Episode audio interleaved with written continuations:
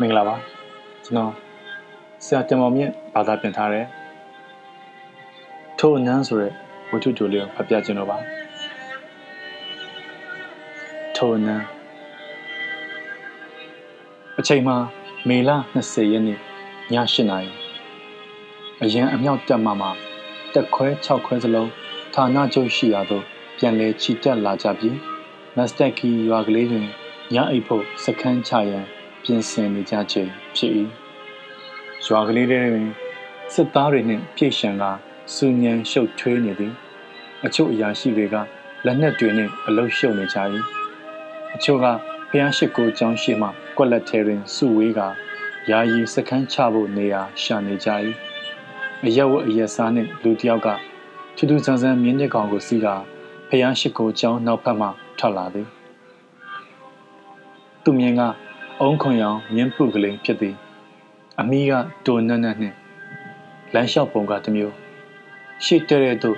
သွားနေသည်နှင့်မတူပဲဘေးတိုက်သွားနေသလိုလိုခြေနှင့်လက်တွေကပေါက်ဆက်ပေါက်ဆက်နှင့်ကနေသလိုလိုတစုံတယောက်ကသူ့ခြေထောက်တွေကိုနဘေးမှလိုက်ရိုက်နေသည်အလားမြင်းပုကလေးပေါ်မှလူကအခြားအရာရှိများစုယုံနေရာသို့ရောက်လာပြီးအုတ်ထုပ်ကိုမြောက်ခါဖိတ်မှန်တကပြုသည် ဘိုလ်ကြီးတို့ဗိုလ်မှူးတို့ခမညာဒီရွာမှာအချမ်းသာဆုံးမြေရှင်တထေးကြီးဒုတိယဗိုလ်ချုပ်ကြီးဗွန်ရာဘက်ကဒီညလက်ဖက်ရည်ပွဲနဲ့အိတ်ခံလိုပါတယ်ကြွရောက်ကြပါခင်ဗျာငင်းကအရာရှိတတိုက်ကိုဥညွတ်ပြီးလာလန်းအတိုင်းအကခြေလန်းများဖြင့်စောင်းကန်စောင်းကန်ပြန်လှည့်သွားသည်မြင်းပေါ်မှပုဂ္ဂိုလ်ကအုတ်ထုပ်ကိုမြောက်ပြသွားသေးသည်ပြီးမှဖျားရှိခိုးကြောင်းနောက်ဖက်တွင်ချက်ချင်းပျောက်ကွယ်သွားလေသည် တဲခွေရမည်နေရာအသီးသီးစီသို့မြင်းကိုစီဖြင့်တွားနေကြသည့်အရာရှိတတိုက်မကြေမနက်နှင့်ပြစ်တောက်ပြစ်တောက်လှုပ်သွားကြသည်အရေးရဲမှာကွာအိတ်ချင်ရတဲ့ချင်းဒီဗွန်ရာဘက်ရဲ့လက်ဖက်ရည်ပွဲကတမော့အမြောက်တက်ခွဲ6ခွဲစလုံးမှအရာရှိတိုင်းဒီပွဲမျိုးအကြောင်းသိနေကြသည်မနှစ်တုန်းကတခါသူတို့ခံခဲ့ရပြည်ပြီမဟုတ်လားကော့ဆက်တွေနဲ့တိုက်ပြီးအပြန်ရွာတရွာတွင်စခန်းချရာ မြေပိုင်ရှင်မြို့သားကြီးတူကယခုလိုပင်သူတို့တွေကိုဖိတ်ကြားအိတ်ခံသည်ထိုမြို့သားကြီးလည်းအငိမ့်စားစစ်ဗိုလ်ချုပ်ကြီးတူပင်အလုံးဖော်ရှိသောမြို့သားကြီးကသူတို့ကိုအစားအသောက်တွေအရှံပယ်ကျွေးသည်ယာယီစခန်းသို့ပြန်ကျင်းနေကြသည့်အရာရှိအားလုံးကိုမပြန်စေပဲတညလုံးနေဖို့ဆွဲထားတော့သူတို့တွေအပျော်ကြီးပျော်သွားကြသည်မြို့သားကြီးကလည်းဝမ်းသာမဆုံးဖြစ်နေ၏သူ၏အတိတ်မှ အတွေ့အကြုံဇလန်းများကိုလူငယ်အရာရှိများအားနနက်အာယုံတက်အချိန်အထိပြောပြခွင့်ရသောကြောင့်ဖြစ်သည်ပြီးတော့သူ့စံအိမ်ကြီးကိုရှောက်ပြသည် အဖိုးတန်ပကြီးကားများနှင့်ရှေးဟောင်းပပုရုပ်များကို အတင်းကြည့်ခိုင်းသည်ပြီးတော့အလွန်ရှားပါသည့်တနက်များဂုံပြုမှတ်တမ်းလွှာများစသဖြင့်မပြေးနိုင်တော့သူတို့အားလုံးဟန်မဆောင်နိုင်တော့အောင်အိမ်ငိုက်နေကြပြီသို့တော့သူပြောသမျှနားထောင်နေရစေသူပြသမျှ လိုက်ကြည့်နေရစေအားလုံးကတဝါဝါတန်လျက်စခန်းကိုပြန်ရောက်တော့အိတ်ချိန်လွန်သွားပြီယခုလဲဘုံရာဘတ်ဆိုသူကဖိတ်ကြားနေပြန်ပြီတပုံစံနဲ့ပင်ဖြစ်မြင်ခြင်း၏သို့သောသူတို့အားလုံးသွားဖို့ပြင်ဆင်ကြသည်ဗိုလ်ချုပ်ဟောင်းတထေးကြီးအိမ်ကိုသွားရမှာမို့အကောင်းဆုံးယူနီဖောင်းများကိုထုတ်ဝစ်ခါအပြက်တသွားကြသည်ဖျားရှိခိုးချောင်းရှိကွက်လက်တွင်သူတို့စုမိကြသည်မြို့သားကြီးအိမ်သို့သွားရာ လမ်းနှစ်သွေရှိကြောင်းသိရ၏အောက်လမ်းကဖျားရှိခိုးချောင်းနောက်ဖက်မြေရိုးအတိုင်းလိုက်ရမည့်လမ်းဖြစ်ပြီးမြို့သားကြီး၏ပန်းချံသို့တန်းရောက်သည်နောက်တလမ်းမှာအပေါ်လမ်းဖြစ်၏ဒီလမ်းကသွားလျင်လေးဖာလုံးခန့်ဝေးသည်မြို့သားကြီး၏အိမ်မှာစပက်ကြီးတွေမြင်းဆောင်တွေဝင်းရံထားသည့်ရှေးလက်ဆန်အိမ်ကြီးဖြစ်သည်ဒုတိယလမ်းကိုသူတို့ရွေးလိုက်ကြ၏လမ်းတွင်သူတို့အချင်းချင်းညင်းသွားကြသည် ဗော်ရာဘတ်ဆိုတာဘာတူလဲလက်ဗနာမြင်းတက်ရဲ့ပူချုပ်လားဟာမဟုတ်တာအဲ့ဒီပူချုပ်ကဗော်ရာဘတ်မဟုတ်ပါဘူးရက်ပီပါပြီးတော့ဘောမပါပါဘူးတော်သေးတာပေါ့ကွာဂျာတိဥဒုကကောင်းနေလို့တဏီယာရောက်တော့လမ်းနှမွာကွဲသွားသည်တလန်းကရှေ့သို့တက်တဲ့ဥတီပြီးအမောင်ထဲတွင်ပျောက်ကွယ်သွားသည်တလန်းကလက်ရဘက်ရှိမြို့စားကြီးအိမ်သို့ဥတိုက်သွားသည် စစ်ဗိုလ်တတိုက်ကညာဘက်လမ်းအတိုင်းလိုက်သွားပြီးအတန်နှိမ့်လိုက်ကြသည်လမ်းတစ်ဖက်တစ်ချက်တွင်ကြောက်တုံးများဖြင့်ဆောက်လုပ်ထားသည့်မြင်းဆောင်တွေဂိုရောင်တွေရှိသည်အားလုံးအနီးရောင်အုတ်ကျွတ်မော်တွေတောရများတွင်တွေ့ရတတ်သည့်စစ်တန်းလျားများနှင့်တူ၏လမ်းအဆုံးတွင်သောပရင်းပေါက်များမှမီးအောင်တွေဖြာထွက်နေသည့်အေယာမဆန်အင်ကြီးအရာရှိတယောက်ကစကားဆသည်နမိတ်တော့ကောင်းနေပြီရေဘော်တို့ရေ ဟိုမှာတို့အနက်ခံအမဲလိုက်ခွေးကလေးပြေးနေတာတွေ့လားအဲ့ဒါ तू ပျော်စင်အနက်ရလို့ပေါ့ကွာဘိုးလေးလိုဘက်ကောင်မှာအရက်မောင်းကောင်းပြီးယောက်ျားပီတာသည့်ကိုနေဟန်ရှိသူဖြစ်သည်25နှစ်အရွယ်ရောက်တည်ကြအောင်သူ့မျက်နှာတွင် အမွေးအမှင်မပေါက်သေးသူဖြစ်သည်သူကအားလုံးကိုကြော်ပြီးရှေ့ဆုံးမှစီးသွားနေသည်သူကနာမည်တစ်လုံးနှင့်နေသူဖြစ်၏တရင်တွင် သူ့လောက်မိမအနက်ခံကောင်းသူမရှိ မိုင်ပေါင်းများစွာအဝေးမှနေ၍ဘယ်ရက်တွင်မိမရှိသူကိုကောင်းကောင်းအနက်ခံနိုင်သူဖြစ်သည်သူကရက်ပြီးနောက်မှအဖော်များကိုလှမ်းပြောသည်သိကြတယ်ကျွန်တော်စိတ်ထဲကအလိုလိုသိနေပြီးအဲ့ဒီမှာအမျိုးသမီးတွေရှိကိုရှိရမယ်စစ်ဘိုးတတိုက်ကိုဗော်ရာဘက်ကအိမ်ရှိမှထွက်ကြုံနေသည်လူကဥပရိယကောင်းကောင်းအသက်60ခန့်အရက်ဝတ်နှင့်ကြည်ကောင်းသူဖြစ်သည် သူကဧည့်သည်စစ်ဘိုးတွေကိုတယောက်ချင်းလက်ဆွဲနှုတ်ဆက်ရင်းခုလိုအခန့်ခွင့်ရသည့်အတွက်ဘလောက်ဝမ်းသာကြောင်းတွတ်တွတ်ပြောနေ၏တပြိုင်တည်းတွင်ညအိမ်ညက်နေတင်းခိုခွင့်မပြုနိုင်သည့်အတွက်စိတ်မကောင်းကြောင်းကိုလည်းအကြိမ်ကြိမ်ရှင်းပြနေသည်သူ့ညီမနှစ်ယောက်ခလေးတပြုံကြီးနှင့်ရောက်နေကြကြောင်းသူ့ညီတွေနှင့်အိမ်နီးနားချင်းတွေလည်းအိမ်တွင်ရှိနေသဖြင့်အခန်းဖို့အခန်းလွတ်လုံးဝမရှိတော့ကြောင်းလည်းရှင်းပြ၏အားလုံးကိုလက်ဆွဲနှုတ်ဆက်နေရင် သူဘယ်၍ဘယ်မျှဝမ်းသာနေကြောင်းပြောပြနေတော့လဲဗိုလ်ချုပ်မျိုးသားကြီးတကယ်ဝမ်းသာနေခြင်းမဟုတ်ကြောင်းသူတို့အားလုံးအကဲခတ်မိကြသည်မနစ်ကတွေ့ခဲ့ရသည့်ဗိုလ်ချုပ်ကြီးလောက်ပင်လှိုက်လဲဝမ်းသာခြင်းမရှိကြောင်းသိသာနေသည်သူတို့တသက်အိမ်ထဲဝင်ခဲ့ပြီးလေကတဲ့များပေါ်တွင်ခင်းထားသည့်အိဆက်ဆက်ကော်စောပေါ်ကိုနင်းတက်လာခဲ့ကြသည်အိမ်ထဲရောက်တော့သူတို့နားဆွင့်ထားကြ၏ သူတို့အားလုံးသဘောပေါက်သလိုလိုရှိလာသည်သူတို့ကိုစေတနာရှိလို့ဖိတ်မှန်တကားပြုခြင်းမဟုတ်ပဲမဖိတ်ကောင်းလို့ဖိတ်ကြွေးခြင်းဖြစ်တန်ရာ၏စစ်တပ်အရာရှိများကိုမြို့မျက်နှာဖုံးအငိမ့်စားဗိုလ်ချုပ်တယောက်အနေဖြင့်အဲ့မခံလျင်အများပြောစရာဖြစ်မည်ဆိုသဖြင့်ဒီပွဲကိုစီစဉ်ခြင်းဖြစ်သည်အစီတော်များသည်ခမ်းမကြီးနှင့်အပေါ်တက်တွင်မှန်အိမ်တွေအပြေးအလွှားလိုက်ထွန်းနေသည်သူတို့ကိုကြည့်ပြီးစစ်ဘိုလ်တွေတန်တရားဖြစ်လာသည် မတိုးမတန့်ဖြစ်လာသည်သူ့အိမ်တွင်ဧည့်သည်တွေတလေကြီးနှင့်ခြေချစရာမရှိအောင်ဖြစ်နေချိန်တွင်ဘဲအိမ်ရှင်ကလူစိမ်းစစ်ဘိုလ်16ယောက်ကိုကြီးကြီးပြူပြူဧခံချမမည်လဲသူတို့အိမ်တွင်မိသားစုနှစ်ပတ်လည်စုဝေးပွဲလုပ်ဖို့ပြင်ဆင်နေကြဟန်တူသည်ဧည့်သည်အရာရှိများအားအပေါ်ထက်ကပွဲခမ်းမဆောင်ကြီးတဲတွင်မဟာဆန်ဆန်အမျိုးသမီးကြီးတယောက်ကလက်ခံတွေ့ဆုံသည် အဖွားကြီးကမျက်နှာရှိရှိ မျက်ခုံးမွေးထူထူနှင့်ဘယင်မာကြီးယူချင်းနေ၏ပုံစံမျိုးအဖွားကြီးကဧည့်သည်တွေကိုမင်းခမ်းမင်းသားဆန်ဆန်အပြုံးဖြင့်အိတ်ခံကြိုဆိုသည်သူ့ယောက်ျားနီးသူညအိညနေတဲခိုခွင့်မပြုနိုင်သည့်အတွက်ဝမ်းနည်းပါကြောင်းထပ်ပြောလေသည်ဧည့်သည်များစီမှမျက်နှာလွှဲလိုက်ချိန်တိုင်းအမျိုးသမီးကြီး၏မျက်နှာပေါ်မှမဟာဆန်ဆန်အပြုံးပျောက်ကွယ်နေတတ်သည် သူ့ဘဝတွင်ဒီလိုအရာရှိများနှင့်အများအပြားတွေ့ဆုံဖြတ်သန်းခဲ့ရပုံကို ပြနေ၏တပြိုင်တည်းတွင်ယနေ့အချိန်အခါတွင်သူတို့အတွက်အချိန်မပေးနိုင်တော့ကြောင်းလဲထင်ရှားနေ၏ယခုလိုတောင်းပန်နေခြင်းမှာသူဖြတ်တန်းခဲ့သည့်ယဉ်ကျေးဖွယ်ရာပတ်ဝန်းကျင်ဒလိကြောင့်ဖြစ်တန်ရသည်အေယမထမင်းစားကန်းကြီးတဲ့သို့စစ်ဘိုလ်တတိုက်ဝင်လာခဲ့ကြသည်အမျိုးသမီးအမျိုးသား၁၀ယောက်ခန့်ရောက်နှင့်နေကြ၏ အမျိုးသမီးတွေကအသက်ကြီးကြီးတွေလည်းပါ၏ငယ်ငယ်တွေလည်းပါ၏သူတို့ကစပွဲတစ်ဖက်ထဲတွင်တန်းစီထိုင်ပြီးလက်ဖက်ရည်တောက်နေကြသည်ဆက်လက်မီကိုတွေရှက်တန်းလွန့်တက်နေသည်အမျိုးသားအုပ်စုတဲတွင်ပိပိန်ရှိရှိလူငယ်တယောက်ပါသည်နှကမ်းမွေးကျင်ဆွဲနီနီနှင့်အင်္ဂလိပ်စကားကိုရှာလိတ်တန်များများဖြင့်အော်ကျဲအော်ကျဲပြောနေသည်သူတို့နောက်ဖက်မှအခန်းကြီးတစ်ခန်းမှာမီးတွေထိန်လင်းနေသည် အခန်းထဲမှပရိဘောဂတွေကအပြာနုရောင်ဗိုလ်ချုပ်ကြီးကအတန်ကြဲကြဲဖြင့်ခက်ရွှင်ရွှင်စကားဆသည်အဲ့ဒါတော့လူကြီးမင်းများခင်ဗျာလူကြီးမင်းတို့လူအုပ်ကအများကြီးမို့တဦးချင်းနဲ့မိတ်ဆက်ပေးဖို့မလွယ်လှပါဘူးဒါကြောင့်အစင်အလာတွေမိထားပြီးလူကြီးမင်းတို့ကတယောက်ချင်းထမိတ်ဆက်ကြပါခင်ဗျာအရာရှိအချို့ကတလေးတစားထပြီးသူတို့ကိုသူတို့မိတ်ဆက်ကြသည်ခန့်ညားတည်ငြိမ်စွာဖြင့်အချို့ကတော့ ဒီအလုပ်ကိုအနိုင်နိုင်ကြိုးစားပြုံးပြီးလုပ်ကြရ၏သို့သောအားလုံးမှာစိတ်မသက်မသာဖြစ်နေကြ၏မိတ်ဆက်ခြင်းအမှုပြုပြီးသည်နှင့်ဥညွတ်ပြီးလက်ဖက်ရည်ဝိုင်းတွင်ဝင်ထိုင်ကြရ၏တက်ရေးဘိုကြီး Ravovich သည်အရက်ပူပူညံ့ညံ့ခါကန်ကန်နှင့်အရာရှိတယောက်ဖြစ်သည်မျက်မှန်တက်ထားပြီး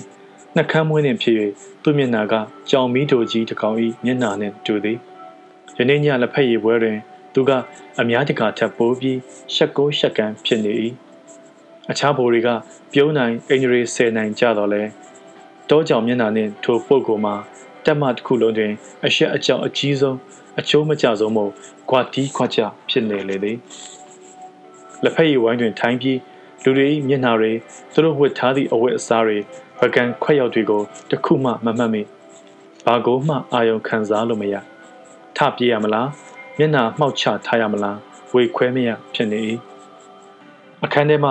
လူတွေအရာဝတ္ထုတွေကိုသူအားလုံးမြင်နေသည်မှန်တော်လဲရင်းတို့၏အသွင်တရံကိုပြပြပြင်းပြင်းအမှတ်အသားမပြုတ်နိုင်ပဲဖြစ်နေ၏မြင်ပြီးမြင်ရသည့်အရာကို နားမလည်ခြင်းအားစိတ်ကုဆရာဝန်များကစိတ်မျက်စိကန်းခြင်းဟုအမည်တက်ကြသည်သို့သောမကြာမတင်အတွင်း Bravo Beach တွင်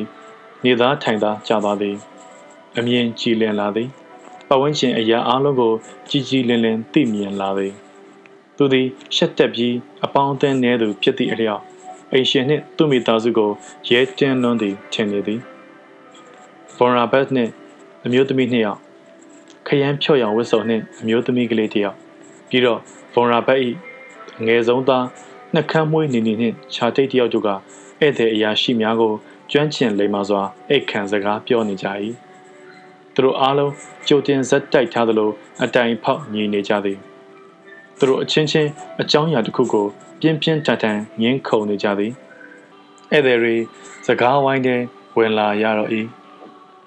ခရမ်းဖြော့ရောင်မင်းကလေးကပြဿနာကိုစတင်ခြင်းဖြစ်၏အမြောက်တက်သည်မြင်းတက်ခြေလျင်တက်တို့နှင့်စာလျင် အပုံကြီးပို၍အနေချောင်သည်ဟုဆိုသည်ဗော်ရာဘတ်နှင့်အမျိုးသမီးကြီးနှစ်ယောက်ကအဆိုကိုစန့်ကျင်ဆွေးနွေးသည် စကားဝိုင်းသည်ချက်ချင်းပြင်းထန်လာသည်ရာဗိုဘစ်ကစိန်လွန်သောဘာသာရပ်ကိုအကြောက်ကန်ညင်းနေသည့်ကလေးမအားတစ်ချက်လှမ်းကြည့်လိုက်သည်သူတို့ပြောနေသည့်ကိစ္စကအလွန်ပြင်းစရာကောင်းသည့်အကြောင်းအရာတစ်ချက်တစ်ချက်ပြုံးသည့်အပြုံးကအပြုံးတုဖော်ရာဘက်၏မိသားစုက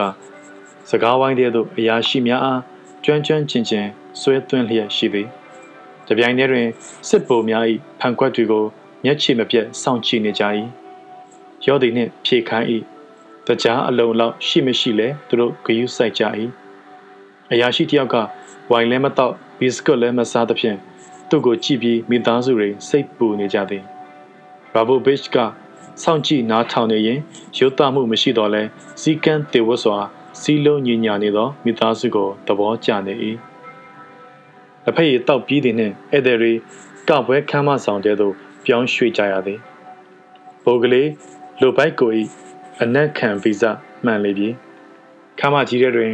ပြူပြူအိုအိုတွေအပြည့်ရောက်နှင့်နေသည်အနက်ခံရတွင်နာမည်ကြီးသည့်ဘိုးကလေးသည်ဝတ်စုံနဲ့နှင့်မေမချောကလေးတယောက်အနာတွင်နေရာယူလိုက်သည်ကောင်မလေးကိုငုံကငုံကပြုံးတုံကဖြင့်ကလူဤသို့မြူဤသို့လုံနေ၏ပြီးတော့တောရမ်းမယ်ဖွဲ့တွေရှောက်ပြောနေသည်ကောင်မလေးက ပြည့်တင်းတင်းပြောင်ချောချောသူ့မျက်နှာကိုမာနမျက်လုံးများဖြင့်မော့ချပြီးသူပြောသမျှဟုတ်လားဟုတ်လားနှင့်ဝစ်ချီဝစ်ကုံခေါင်းငိမ့်ပေးနေ၏စံညာကြီးမှတီးလုံးတွေဟိမ့်ထွက်လာ၏ဆွေးမြေပွဲဝေါ့စ်တေးသွားသည်ဗရင်ပေါက်ကျဲကြီးများမှအပြင်သို့ပြန့်ထွက်သွားလေသည်ဒီအခါအပြင်တွင်ຫນွေဥပန်းများလမ်းသည့်မေလာဆန်းဖြစ်ကြောင်းအားလုံးသတိတရရှိလာကြသည်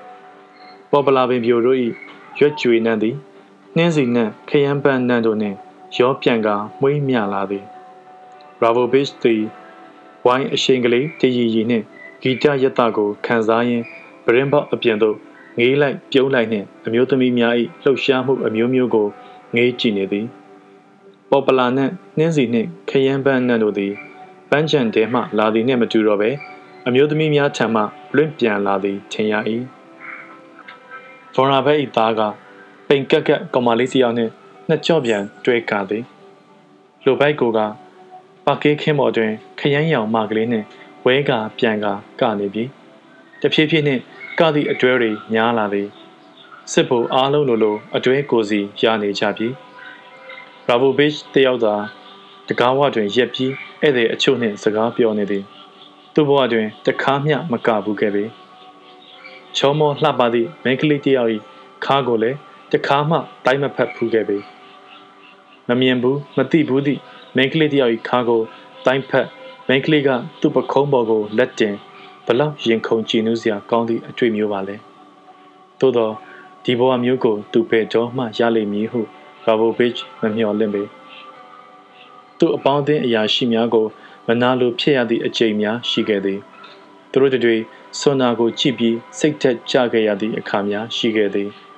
အချင်းတန်လှသည့်ကြောင်မီးတို့မျက်နှာကိုတတိယလျင်ကြည့်ပြောရှိပြောမရှိလှသော ကိုနေဟန်ကြောင်းတွေးမိလျင် စိတ်သက်တွေအကြကြီးကြာနေတတ်၏နှစ်တွေကြာလာတော့အရေးထူလာကတငယ်ချင်းများအားမနာလိုတိုရှည်မဖြစ်တော့ပဲသူတို့ဆွန်နာကိုမုရိတာပွားလာနိုင်သည်သို့သောတယောက်တည်းဝမ်းနေနေတတ်၏လေးရတွင်ကရမည်အချိန်ရောက်တော့ ဗော်နာဘက်၏သားကလေးကမကသည့်အရာရှိများစီလာပြီးဘီလီရဲ့တပွဲလောက်ထိုးဖို့ဖိတ်သည်သူတို့ကလက်ခံပြီးခြာတိတ်နှင့်အတူခမ်းမကြီးထဲမှထွက်ကြသည်ဘာမျှလှုပ်เสียမရှိသဖြင့်၎င်းတခုခုမှာတော့ပါဝင်တင်သည်ဟုယူဆ၍၎င်းရာဘိုဘစ်သည်သူတို့နောက်မှထလိုက်ခဲ့သည်ပထမဆုံးအိတ်ကန်းတဲကိုရောက်လာကြသည်ပြီးတော့မှန်အမိုးနှင့်ဝရန်တာခက်ချင်းချင်းအတိုင်းဆက်လျှောက်လာကြသည်အခန်းတစ်ခန်းထဲဝင်မိကြတော့ ဆိုဖာပေါ်တွင်အိတ်ငိုက်နေသည့်အစီကန်၃ယောက်ကမန်းကတန်းခုန်ထကြသည်ဆက်လျှောက်လာခဲ့ကြ၏အခန်းပေါင်းများစွာကိုဖျက်ကျော်ပြီးမှနောက်ဆုံးတွင်ဘီလီယက်ခန်းကိုရောက်ကြ၏ရောက်ရောက်ချင်းပွဲဆကြ၏ဖဲမှလွဲ၍ဘာမှမကစားတတ်သောရာဘိုဘစ်သည်ဘီလီယက်ထိုးနေသူများကိုရက်ကြည့်နေ၏သူတို့တွေကကျူဒန်ကိုကိုစီကန်၍ဘီလီယက်ခုံကိုပတ်လျှောက်ရင်းသူနားမလဲသည့်စကလုံးများအတိတ်ပင်နှစ်ခွထွက်သည့် ဟာတာများဖြင့်စူညံငင်းခုန်နေကြသည်သူရဲကောင်းအားလုံးကျူနစ်အင်ကြီးကျဲသည်တွေဖြုတ်ထားကြပြီသူ့ကိုဘယ်သူမှအာရုံမထားကြတဲကြီးမဲကြီးထိုးနေရမှလှက်ပတ်လျှောက်သွားရင်းသူ့ကိုတိုးမိတိုင်မိသည့်အခါတောင်းပန်သည်ပထမတပွဲမပြီးခင် သူပြင်းလာသည်ဒီနေရာမှာလဲငါလူပိုတယောက်ပါပဲလားသူတို့ကိုအနှောက်ယှက်ပေးသလိုများဖြစ်နေပြီလားစိတ်သက်ကြကြနှင့် ကပွဲခမ်းမဆောင်စီကိုပြန်လျှောက်လာခဲ့သည်အပြန်တွင် စိတ်လှုပ်ရှားစရာကလေးများနှင့်တွေ့ရ၏လမ်းတွေရောက်မှလာလန်းတိုင်းပြန်ခဲ့ခြင်းမဟုတ်ကြောင်းသတိထားမိ၏အခန်းပေါင်းများစွာကိုဖြတ်လာခဲ့ပြီးပြီးစောစောကအိမ်ငိုက်နေသည့်အစီကံ၃ယောက်အားတွေ့ခဲ့သောအခန်းကိုမတွေ့လမ်းမှားမှန်းသိတော့နောက်ကိုအနှဲငယ်ပြန်ဆုတ်လာပြီးညာဘက်ကိုချိုးခဲ့သည်အလာတော့ကမတွေ့ခဲ့သည့်အခန်းချင်းကလေးတွေရောက်သွားသည် မီးရောင်မှိမ့်မှိန်ကလေးလင်းနေ၏ခဏတွေ့ပြီးရက်နေ၏ပြီးမှတကားတစ်ချက်ကိုတွန်းဖွင့်လိုက်ကလုံးဝမှောင်မဲနေသည့်အခန်းတစ်ခန်းထဲကိုလှမ်းဝင်လိုက်သည်ပရင်ပေါက်တွေပွင့်နေ၏စံရသံတဲ့တဲ့ကြားနေရ၏စိတ်ထားသောတကယ်ကြီးများမှယိုထွက်နေသည့်အလင်းရောင်တန်းကလေးများကိုလှမ်းမြင်နေရ၏ပေါ်ပလာနှင့်နှင်းစီနှန်းနှင့်ခရမ်းပန်းနှံများကိုရှူရှိုက်မိ၏ ဘာဘိုဘစ်တယောက်ရက်ပြီးတွေ့နေသည်ဘာဆက်လို့ရမှန်းမသိဤတွင်ပြေးလွှားဝင်လာသည့်ခြေသက်များကိုကြားလိုက်ရခြင်းဖြစ်၏ဂါဝင်နှင့်ကြမ်းပြင်ရှက်တိုက်တံပြီးတော့မောဟိုက်နေသည့်အမျိုးသမီးတယောက်၏အသက်ရှူတံကြပြိုင်ထဲတွင်တီးတိုးတံထွက်လာသည်။အင်းခုမှပဲချွေးကလေးများစုပ်နေသည့်လက်မောင်းအစုံနှင့်နူးညံ့သည့်လက်ကလေးနှစ်ဖက်သူ့လေပင်ကိုတိုင်းဖက်လာသည်။ နှွေးနေသောပါတစ်ဖက်ဖြင့်သူ့ပါကိုကပ်သည်။ပြီးသည်နှင့်မွတ်မွတ်တိတ်တိတ်နမ်းပါလေတော့၏။သို့သောတရင်ကမျှသာအမျိုးသမီးသည်ချက်ချင်းနောက်ဆုတ်လိုက်ပြီးစိတ်ပြက်လက်ပြက်ညှီးတွားလိုက်သည်။ဘာဘိုဘစ်ကဒီလိုပဲထင်လိုက်၏သူလည်းအံ့ဩထိတ်လန့်ခြင်းဖြင့်အော်လိုက်မိမတက်ဖြစ်သွားသည်ကပွဲခမ်းမဆောင်စီသို့ထွက်ပြေးလာခဲ့၏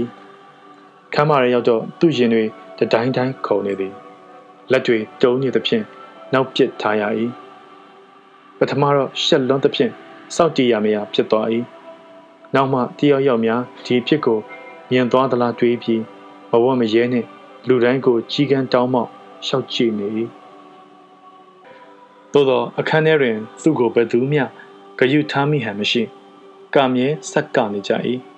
စကားတွေဖောင်လောက်အောင်ဆက်ပြောနေကြသည်ကိုတွေ့ရမှ သူဟင်းချနိုင်တော်သည်ခုမှရင်တွင်လှုပ်ရှားမှုတွေကိုပြန်ခံစားရသည်ဘဝတွင် ပထမဆုံးတွေ့ကြုံရသည့်အဖြစ်ပါလားခုချိန်ကကလေးမှငါလည်းပင်ကိုမိမတယောက်တိုင်းဖက်သွားတာပါလားလက်မောင်းကလေးကချွေးကလေးတွေစိုးလို့ပြီးတော့ငါဘယ်ဘက်ပါကို သူ့ပါနဲ့ကတ်သေးတယ်နှကမ်းမွေးရဲ့အထက်နားမှာခုထိမွေးကြံရစ်သေးတယ်နှွေးကြံရစ်သေးတယ်တွေးရင် ရာဘိုဘစ်သည်ပါးပြင်ကိုဆန်းကြည့်လိုက်သည်ရင်ထဲတွင်တိတ်ကနေနှွေးသွားသည်ဦးကောင်းမှခြေပြားထိကြည်နူးစွတ်ပြန့်လို့မဆုံးဖြစ်နေ၏စိတ်ထဲတွင်ကကျင်စိတ်ပေါက်လာ၏လူတွေနှင့်စကားပြောကြလာ၏ပန်းချင်နဲ့ပြေးထွက်သွားပြီးအော်ဟစ်ရေမောလိုက်ခြင်း၏ခါကိုက်ကိုက်နှင့်အကြီးတန်းရုပ်သွင်းကိုသူမေ့ပြီးကြောင်မီးတို့မျက်နှာနှင့်မလှမပနှကမ်းမွေးကိုလည်းသူသတိမရတော့ သူ့နှကမ်းမွေးကိုတခါတော့ကမိမတွေတယောလှောင်ပြောင်ဘူးသည်ကိုသူ့နားနှင့်ဆက်ဆက်ကြားခဲ့ရ၏အင်ရှင်အမျိုးသမီးကြီးဖျက်လျှောက်သွားတော့ဘာဘိုဘစ်ကတအားပြုံးပြလိုက်သည်အမျိုးသမီးကြီးကစူးစမ်းသည့်မျက်လုံးများဖြင့်ကြည့်နေသည်ရာဘိုဘစ်ကမျက်မှန်ကိုနေသားတကျဖြစ်အောင်ရွှေ့နေရင်ပြောလိုက်သည်စံအိမ်ကြီးကတော့အမခန်းပါပဲဗျာကျွန်တော်တော့အရန်သဘောကျနေပြီဖော်ရာဘက်ကတော့ကပြုံးပြီး အိမ်ကြီးမှာသူ့ဖေပိုင်အိမ်ဖြစ်ကြောင်းရှင်းပြသည်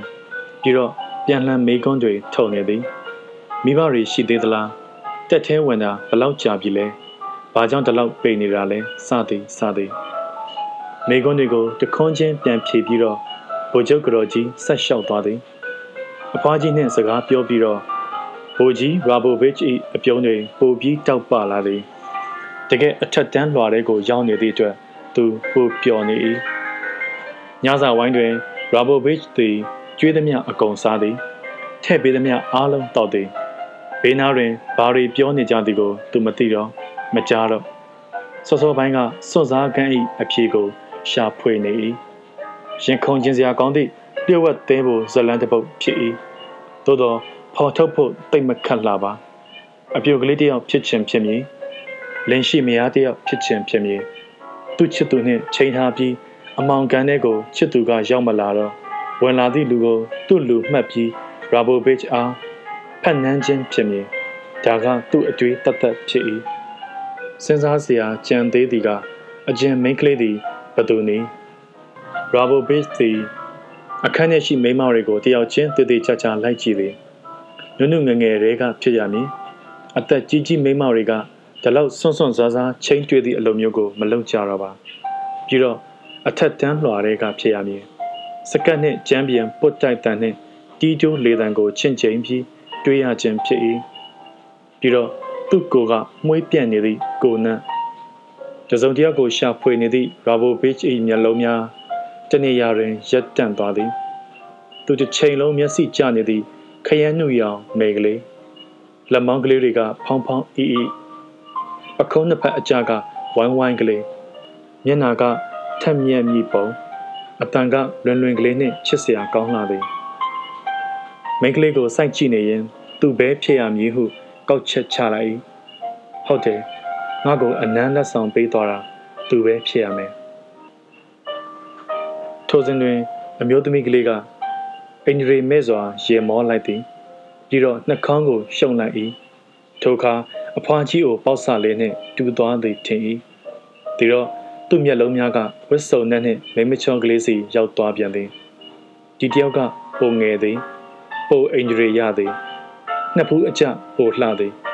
အမူအရာတိမ်မွေးသည်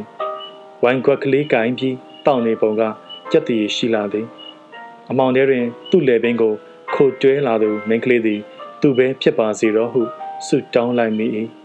သို့သောတသေးချာချာကြည့်လိုက်တော့နှာခေါင်းကခက်ပြားပြားဖြစ်နေ၏ သူ့နှစ်ဘေးမှအမျိုးသမီးကို ပြောင်းကြည့်လိုက်ပြန်၏မူးရီမူးဝေနှင့်ဆက်တွေးနေ၏อืมအတော်ကြက်တဲ့ကိစ္စပါလားခိုတွဲလာသည့်လက်မောင်းတွေကခရမ်းနှုရောင်ကလေးဤလက်မောင်းတွေဖြစ်နိုင်သည်သို့သောမျက်ခုံးတွေကဝစ်စုံနဲ့နှင့်မိန်ကလေးမျက်လုံးတွေကလူပိုက်ကိုဤနဘေးမှကောင်းမလေးဤမျက်လုံးတွေဖြစ်နိုင်သည်ပြီးတော့သူ့ကိုနမ်းသွားသည့်မိမဤရုပ်ပုံလွှာကို အမျိုးမျိုးပုံဖော်ကြည့်နေ၏စပွဲဝိုင်းတွင် ထိုင်နေသည့်မိမတယောက်မျှမဖြစ်နိုင်ညစာစားပြီးချိန်တွင်ဧည့်သည်အရာရှိတွေဗိုက်လေးကုန်ကြပြီမူးလဲမူးနေကြပြီဖြစ်၍ပြန်ဖို့ပြင်ကြ၏အရှင်လင်မယားကညအိတ်တဲဖို့မဖြစ်နိုင်သည့်အတွက်ဧည့်သည်တွေကိုထပ်တောင်းပန်ပြန်သည်ပြီးတော့သူတို့မိသားစုအနေဖြင့်ချွင်းချက်ရှိလျင်ဧည့်သည်တွေကိုဂယုမဆိုင်သလိုဖြစ်ခဲ့လျင်ခွင့်လွှတ်ဖို့လည်းတောင်းပန်၏ ဘိုလ်ချုပ်ကြီးကဒီတစ်ခါတော့လှိုက်လှိုက်လဲလဲပြောနေ၏ဝမ်းသာတယ်ဗျာတကယ်ကိုဝမ်းသာတာပါလူတဘာဝအရာဧည့်သည်ရောက်စနှင့်ပြန်ကာနီးတွင်အိမ်ရှင်တို့၏ရိုးသားပွင့်လင်းတတ်မှုကြောင့်ဖြစ်နိုင်ပါသည်တကယ်ပြောတာပါနောင်လဲကြုံရင်ဝင်ကြပါဝင်မလဲရင်တော့ကျုပ်ခွင့်လွှတ်နိုင်မှာမထင်ဘူးဗျဒါထက်ကိုရင်တို့ဘာလို့အပေါ်လန်းခလာကြတာလဲပန်းချန်တွေကထွဲပြီးအောက်လန်းကပြန်မလာမြစ်ကမ်းနှစ်ဖူးတိုင်းရှောက်သွားရင်ပိုနီးတာပေါ့ သူတို့အားလုံးပန်းချန်တွေကိုဆင်းလာခဲ့ကြသည်လင်းထိန်စူညံနေသည့်အခန်းထဲမှထွက်လာကြပြီးပန်းချန်ထဲရောက်တော့ပို၍တိတ်ဆိတ်မဲမှောင်နေသည်ထင်ရ၏စကားမပြောဖြစ်ကြပဲဂိဝါအထိရှောက်လာခဲ့ကြ၏သူတို့အားလုံးဝိုင်းအရှိန်ဖြင့်ရီဝေဝေဖြစ်နေကြ၏ခြေနဲ့ရောင်ရဲမှုဖြင့်ကြည်နူးနေကြ၏သို့သောတိတ်ဆိတ်စွာမဲမှောင်နေသည့်ပတ်ဝန်းကျင်ကသူတို့အားအလေးအနက်စဉ်းစားချိန်ပေးနေပြီးသို့ရှိ၏ သူတို့အားလုံးအကြောင်းအရာတစ်ခုတည်းကိုတွေးနေကြသည်သူတို့အနားယူချိန်တွင်ဗုံရာဘက်လိုနေနိုင်ပါမည်လားအေယာမဆိုင်ကြီးနှင့်မိသားစုနှင့်ပန်းချံနှင့်အချွေအရန်အစေခံတွေနှင့်ပြီးတော့ခုလိုဧည့်သည်တလေကြီးကိုဧည့်ခံကျွေးမွေးနိုင်ပါမည်လားရှင်တဲကပါသည်မပါသည်အသာထားလေဧည့်သည်တွေကိုဗုံရာဘက်ကကောင်းကောင်းကျွေးပြီးမူးရီမူးဝင်ပျော်ရွှင်စေနိုင်သည်မဟုတ်လား ခြံဝင်းအပြင်ရောက်တော့သူတို့တွေရေရေမောမောနှင့်စကားတွေအော်ချဲအော်ချဲပြောကြတော့၏အကြောင်းမမင်ရရမရှိဘဲရေမောကြလေပေါ်ကြခြင်းဖြစ်သည်မြစ်ကမ်းနှစ်ဘူးတိုင်းသူတို့ရှောက်လာကြသည်လမ်းကလေးသည်တနေရာတွင် ရေစက်သို့ဆင်းသွား၏ကမ်းဆက်တွင်ရေအိုင်ကလေးများခြုံပုတ်ကလေးများတွေ့ရသည်မိုးမခဂိုင်းများကငိုင်ယွန်းယွန်းရေပြင်ပေါ်တွင်ခြေကလေးတွေမှိတ်တုပ်မှိတ်တုပ်လက်ကအလင်းဖြာနေပုံက ရေစည်းတန်ချောင်းကိုပြဆိုနေ၏လမ်းကလေးကိုတဲတဲကွဲကွဲမမြင်ရတော့တစ်ဖက်ကန်းကိုလုံးဝလှမ်းမမြင်ရတော့လောကကြီးတစ်ခုလုံးကိုတိတ်ဆိတ်ခြင်းကလွှမ်းခြုံထား၏ဟိုဘက်ကန်းစီမှဘုတ်ဤတန်ကိုတဲ့တဲ့ကြားနေရသည်ခြုံဖို့တစ်ခုစီမှငှက်ကလေးတစ်ကောင်ကသူတို့ကို လုံးဝကြီးမဆိုင်ပဲတန်စင်မြင့်တေးတပုတ်ကိုစပြင်တီးဆိုသည် သူတို့ကခြုံပုံနဘေးတွင်ရက်ပြီးလက်နှင့်ပုတ်တော်လဲသူကတေးဆိုမရက်တယောက်ကချီးကျူးစကားဆိုသည်ကြည်စံတော်တော်တတိကောင်းတဲ့အကောင်တို့ကိုလုံးဝကြီးမဆိုင်ဘူးလမ်းကလေးကအပေါ်ဘက်မြင့်တက်သွားပြီးဖျားရှိခိုးကျောင်းသို့ပေါက်သည့်လမ်းနှင့်သွားဆုံသည်ကုန်းမြင့်တနေရာတွင်ထိုင်နာပြီးဆက်လက်တောက်ကြသည်ဟိုဘက်ကမ်းမှမင်းနီကလေးတက်လက်လက်ဖြစ်နေသည်ကိုလှမ်းမြင်ရ၏ တခြားပြောစရာမရှိသဖြင့်ဒီမီးအောင်အကြောင်းသူတို့တွေထင်ကြီးအမျိုးမျိုးပေးပြီးရေးကြီးခွင့်ကျဲလုပ်နေကြသည်မိဘုံပွဲတစ်ခုလားအိမ်တဆောင်ဤမှန်ပရင်းမှလင်းနေသည့်မိအောင်လားစသဖြင့်စသဖြင့်ရာဘိုဘေ့ချ်လည်းမိအောင်ကိုငေးကြည့်နေသည်သူ့ကိုမျက်စပစ်ပြနေတယ်လို့လို့ပြောင်ဆက်ဆက်လှုပ်နေတယ်လို့လို့ဒီမိအောင်ကလေးကသူအနမ်းခံခဲ့ရကြောင်းသိနေသည့်အလား သူတို့တဲသည့်ဘိုတဲကလေးကိုရောက်တည်နှင့်ရာဘိုဘစ်သည်ခက်မြမြအဝက်လဲပြီးအိယာဝင်လေသည်အခန်းထဲတွင်သူနှင့်အတူဘိုကလေးလိုဘိုက်ကိုနှင့်ဘိုမာဇလာကော့တို့ပါအတူအိတ်ကြသည်မာဇလာကော့ကခက်အေးအေးနေတတ်ပြီးစကားနည်းသူဖြစ်၏သူတို့အတိုင်းဝိုင်းတွင်ခေပညာတတ်တယောက်မှသိသာသူဖြစ်၏ယူရိုပဟာရယ်သတင်းစာကိုလက်ကမချပဲတစ်ချိန်လုံးဖတ်နေတတ်သည် လိုဘိုက်ကိုကအခန်းကိုစိတ်တဲမကြသဖြင့်ခောက်တုံခောက်ပြန်ရှောင်နေသည်နောက်ဆုံးတွင်ရဲဘော်တယောက်ကိုခေါ်ပြီးသူကဘီယာရှာခိုင်းသည်မာဇလာကော့ကတော့ကတင်ကောင်းရင်တွင်ဖျောင်းတိုင်တင်ထွန်းကထုံးစံအတိုင်းသတင်းစာဖတ်နေသည်ဘသူများပါလဲချက်ခိုးရီတက်ခါမဲညစ်ညစ်ဖြစ်နေသည့်မျက်နှာချက်ကိုမော့ချပြီးအတွေးချချလဲနေသူကရာဘိုဘစ်လေဘင်းနှင့်ပါးပြမှာမွေးရနှံ့ဖြင့်ပူနွေးစေဟုထင်နေ၏ မျက်စိထဲတွင်ခရမ်းရောင်မကလေး၏ပခုံးနှင့်လက်မောင်းသားကလေးများကိုမြင်ရောင်နေ၏အနက်ရောင်ဝတ်စုံနှင့်အလှကလေး၏ရိုးသားပုံရသည့်မျက်လုံးအစုံကိုလည်းတရိယာနေ၏ပြီးတော့မိမသားတို့၏ခါချင်းချင်းတင်ကားကားပုံတရံတွေဂါဝင်တွေစတိုးတွေစံခွတွေကိုမြင်အောင်နေ၏စိတ်ထဲထင်လာသမျှအရာအလုံးကိုကြည်လင်လာအောင်အာယုံပြုကြည့်သည်မရ အလုံးပြေးလွှားလှုပ်ရှားနေကြ၏ထင်ရောင်ဝိုးဝါအရိပ်များပျောက်ကွယ်သွားပြီးနောက်တွင်မျက်လုံးမှိတ်လိုက်သည့်အခါမြင်နေကြအေယာမအနက်ရောင်လွင်ပြင်ကြီးကိုမြင်ရ၏ဒီအခါခတ်တုတ်တုတ်လှမ်းလာသည့်ခြေတံပိုးစကတ်နှင့်ကျမ်းပြင်ပုတ်တိုက်တံပြီးတော့ထိုအနမ်းမှထွက်လာသည့်ရင်လှိုင်းခတ်တံတို့ကိုကြားရောင်ကဘာမှမသိပဲရင်ထဲတိတ်ကနေဖြစ်သွားသည်ဒီအတန်ပလန်များနှင့်အတူ ရဲဘော်ကလေးပြန်လာသည့်ခြေတံကိုကြားလိုက်ရ၏ဘီယာရှာမရခဲ့ကြောင်းတရင်ပို့နေတန်ကြားရသည်လိုဘိုက်ကိုသည်စောက်တီယာမရဖြစ်ခါအခန်းထဲတွင်ဟိုရှောက်တီရှောက်လို့လိုက်ရာဘိုဘစ်၏အိယာနားရောက်လာလိုက်မာဇလာကော့၏နဘေးသို့သွားရက်လိုက်ဖြင့်ပြစ်တောက်ပြစ်တောက်လုံနေ၏တော်တော်တုံးနေငတုံးမယ်ဘီယာရအောင်မရှာနိုင်ဘူးတဲ့ဟုတ်တယ်မဟုတ်လားဒီကောင်လောက်တုံးတဲ့ကောင်ဘယ်မှာရှိမလဲပြောစမ်းပါဦး မရှိလို့ရှာမရတာဖြစ်မှာပေါ့ကွာမာဇလာကော့ကသတင်းစာဖတ်မပြတ်ပဲပြောလိုက်ခြင်းဖြစ်၏ဗျာဘီယာမရှိဘူးလို့ခင်ဗျားထင်သလားဟုတ်လားတည်တော့မှာပဲဘီယာမရှိတဲ့အရက်ရဲလို့ရှိမလားဗျကျွန်တော်ကိုလကဘာပုတ်အဲ့ဒီမှာဘီယာရောမိမပါရအောင်ကျွန်တော်ရှာပြမယ်ခုကျွန်တော်ရအောင်ထပ်ရှာပြမယ်မရရင်ခင်ဗျားတို့ပြောချင်တယ်လို့ပြောသူအဝဲပြန်ဝဲသည်ဘောင်းမီဝက်လိုက်ခြေအိတ်ဆွတ်လိုက်နဲ့တော်တော်နှင့်မပြီးပြီးတော့ secret ထိုင်တောက်နေပြန်သည်နောက်ဆုံးမှသွားဖို့ထားသည်ပါဇက်ကအတိတ်ပဲမရှိရှောက်ရွတ်နေပြန်၏ရာဘတ်ဂရာဘတ်လာဘတ်စသည်ဖြင့်ရွတ်ရင်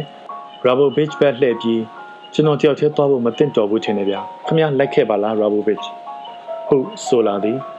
ရာဘိုဘစ်စီမဘာသာမှမကြားရတော့ပြန်လှည့်လာပြီးအဝတ်တွေပြန်ချွတ်ခါအိယာဝင်သည် မာဇလာကော့ကတပ်ပြင်းချပြီးဖျောင်းတိုင်မှုတ်ရင်သတင်းစာကို ဘေးချထားလိုက်သည်လိုဘိုက်ကိုကအမောင်ထဲတွင် secret မီးညှိရင်တယောက်တည်းညှိတွားနေသည်အော်လောကလောကရာဘိုဘစ်ကစောင်းကောင်းမိခြုံပြီးကိုးလိုက်သည်ပြီးတော့ဘိုးတော်ပုံရိပ်များကိုတစ်ခုချင်းလိုက်ကောက်ပြီးစုစည်းပြန်၏သို့တော့မအောင်ပြမှာချေပြက်ပြက်ထင်ထင်တပုံးမြပေါ်မလားမကြခင်အိပ်ပျော်သွားသည်မပြောခင်နောက်ဆုံးခံစားသိရှိလိုက်သည်မှာတစုံတစ်ယောက်ကသူ့အပေါ် ပထမဆုံးအကြိမ်ဖြစ်ပညာယူရသွားသည့်ခြုံမိန်လှပသော အကြည့်တက်တစ်မျိုးဖြစ်သည်အိယာမမျိုးတော့ကုန်းနှင့်ပါးပေါ်မှရွေးထွေးမှုတို့ပြေလေပြီ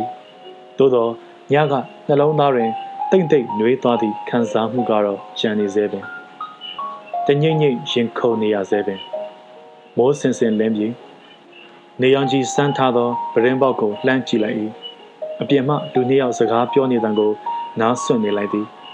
တယောက်ကလီဗီဒက်စကီ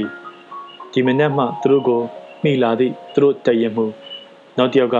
သူ့တက်ခွဲတက်ချက်ကြီးစကားတူတူမပြောတတ်သည့်တည်ရင်မှုကခုနှစ်တန်ချီအော်ပြီးမေးနေသည်နောက်ကောနောက်ပါထူးသေးလဲဟုတ်ကဲ့မနေ့ကမြင်းတွေခွာအစ်လဲရင်ဂိုလူစစ်မြင်းအကန်ခံရလို့ဒဏ်ရာရောက်သွားပါတယ်ခင်ဗျဆေးမှုကဆေးထည့်ပေးထားပါတယ်သူ့ကိုတခြားလူတွေနဲ့ခွဲထားပါမယ်ဘို့ချုပ် အာဒီမဲညကမူးလို့ဘိုကလေးကသူ့ကိုအမြောက်တင်လှဲရှိမှထိုင်ခိုင်းထားပါတယ်တက်ခွဲတက်ချက်ကြီးကဆက်လက်အစီရင်ခံသည်ကားပေါ်က